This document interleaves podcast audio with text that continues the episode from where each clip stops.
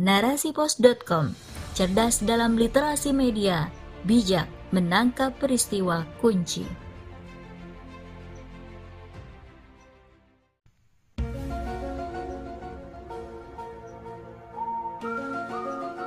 Assalamualaikum warahmatullahi wabarakatuh.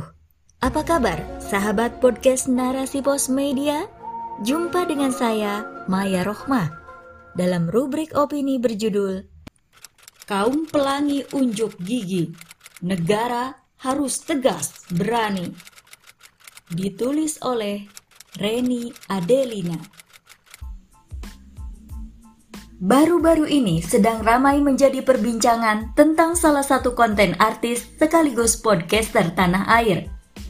Deddy Kobuzer atau DC dalam kanal YouTube miliknya, ia mengundang pasangan gay sebagai bintang tamu. Sontak, podcast miliknya mendapat kecaman dari warganet lantaran podcastnya sama sekali tidak mengedukasi, melainkan justru terkesan mempromosikan kaum pelangi. Mirisnya, hari ke hari kampanye kaum pelangi makin gencar. Ini terlihat tidak hanya di kanal YouTube milik DC, di beberapa media sosial pun, kaum pelangi bahkan berani buka-bukaan dan terus terang mengenai orientasi seksual yang menyimpang ini. Bahkan, ada yang berani sampai mengotak-atik dalil Al-Quran untuk mencari pembenaran atas perilakunya.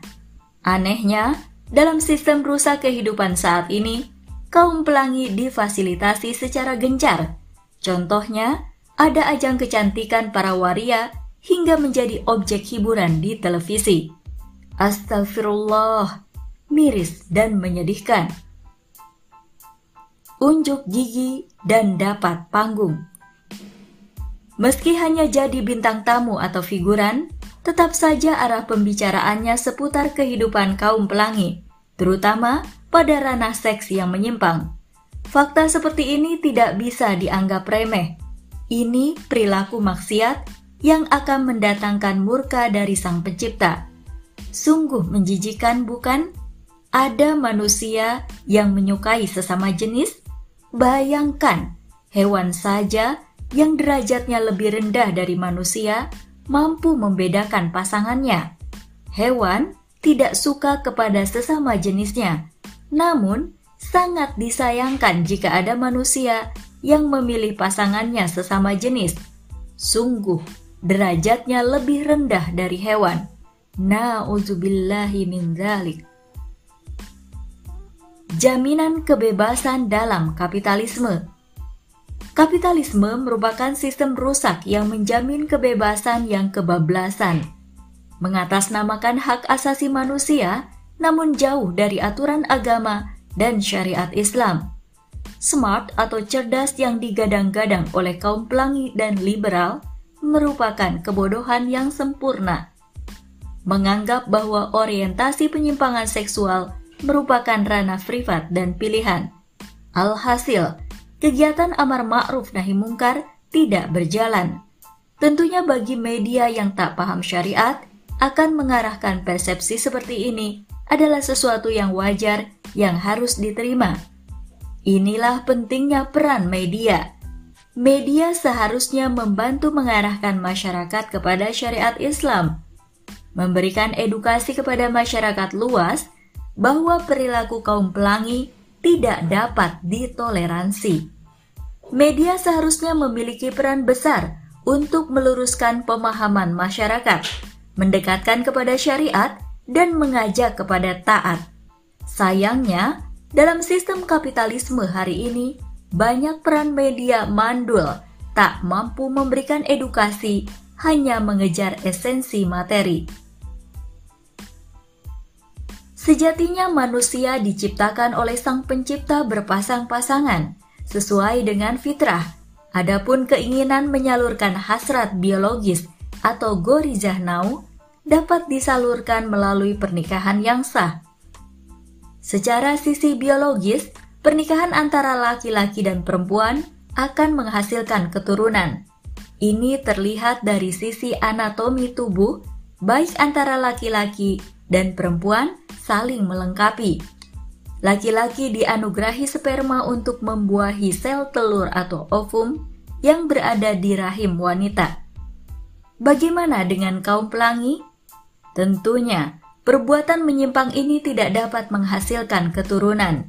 Justru yang ada menimbulkan banyak permasalahan dan wabah penyakit seperti penyakit kelamin, HIV dan AIDS, serta mampu merusak keturunan. Sungguh miris, bukan? Butuh peran negara. Kondisi seperti ini tentu sangat mengkhawatirkan. Bagaimana tidak? Fenomena ini tentunya berbahaya bagi masa depan generasi dan juga peradaban manusia. Apa jadinya jika manusia hidup menyalahi fitrah, di mana laki-laki menyerupai perempuan, begitupun sebaliknya? Ini diharamkan dalam Islam. Allah melaknat perbuatan maksiat tersebut. Tidakkah kita belajar dari kisah kaum Sodom yang hidup pada zaman Nabi Lut alaihi salam? Komunitas kaum pelangi saat ini gencar dan berani unjuk gigi. Ini terlihat karena tidak ada ketegasan hukum. Tidak ada undang-undang yang dengan tegas melarangnya kecuali Undang-Undang Nomor 1 Tahun 1975 tentang perkawinan. Undang-undang ini mengatur bahwa perkawinan yang sah dan diakui adalah pasangan heteroseksual. Tentunya hukum ini tidak kuat untuk menindak para pelaku kaum pelangi. Inilah sebabnya komunitas kaum pelangi terus berani unjuk gigi. Perspektif Islam Kasus yang terjadi dalam sistem rusak kapitalisme sekuler ini tentu beda penanganannya dengan sistem Islam. Dalam sistem kehidupan hari ini, pelaku seks menyimpang dibiarkan tanpa ada sanksi tegas dari negara. Namun, berbeda dalam sistem Islam, ada langkah preventif dan solutif. Langkah preventif atau pencegahan dalam Islam melalui pola pengasuhan yang berbasis fitrah. Contohnya, anak laki-laki dididik untuk menjadi seorang pemimpin, sedangkan anak perempuan dididik menjadi seorang ibu. Dari dalam rumah juga diberi edukasi, seperti memisahkan tempat tidur anak ketika sudah mencapai usia tujuh tahun. Tidak boleh tidur dalam satu selimut, sebagaimana sabda Rasulullah Shallallahu Alaihi Wasallam yang diriwayatkan Imam Muslim. Tidak boleh bagi seorang laki-laki melihat aurat laki-laki dan wanita, dan tidak boleh seorang laki-laki dengan laki-laki dalam satu selimut, dan wanita dengan wanita lainnya dalam satu selimut. Dalam Islam, sistem pergaulan juga ada aturannya, di mana adanya pemisahan antara laki-laki dan perempuan tidak ada kholwat atau campur baur yang tidak dibenarkan dalam syariat. Cara berpakaian juga sangat diperhatikan, menjaga aurat antara laki-laki dan perempuan. Di sisi lain, peran dunia pendidikan juga sangat membantu berperan menjaga fitrah sang anak. Dalam skala negara, negara wajib membuat aturan dan kontrol tegas bagi pelaku kaum pelangi Rasulullah Shallallahu Alaihi Wasallam bersabda yang diriwayatkan Imam Abu Daud, Tirmizi, dan Ibnu Majah.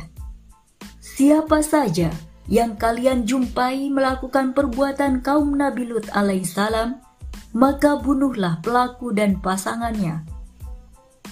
Islam memiliki solusi di mana negara menetapkan hukuman bagi pelaku homoseksual adalah hukuman mati Demikian juga pelaku homo dan lesbi ataupun perilaku menyimpang seksual lainnya.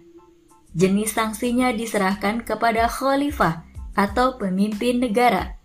Rasulullah bersabda, "Lesbi atau sihak di antara wanita adalah bagaikan zina di antara mereka."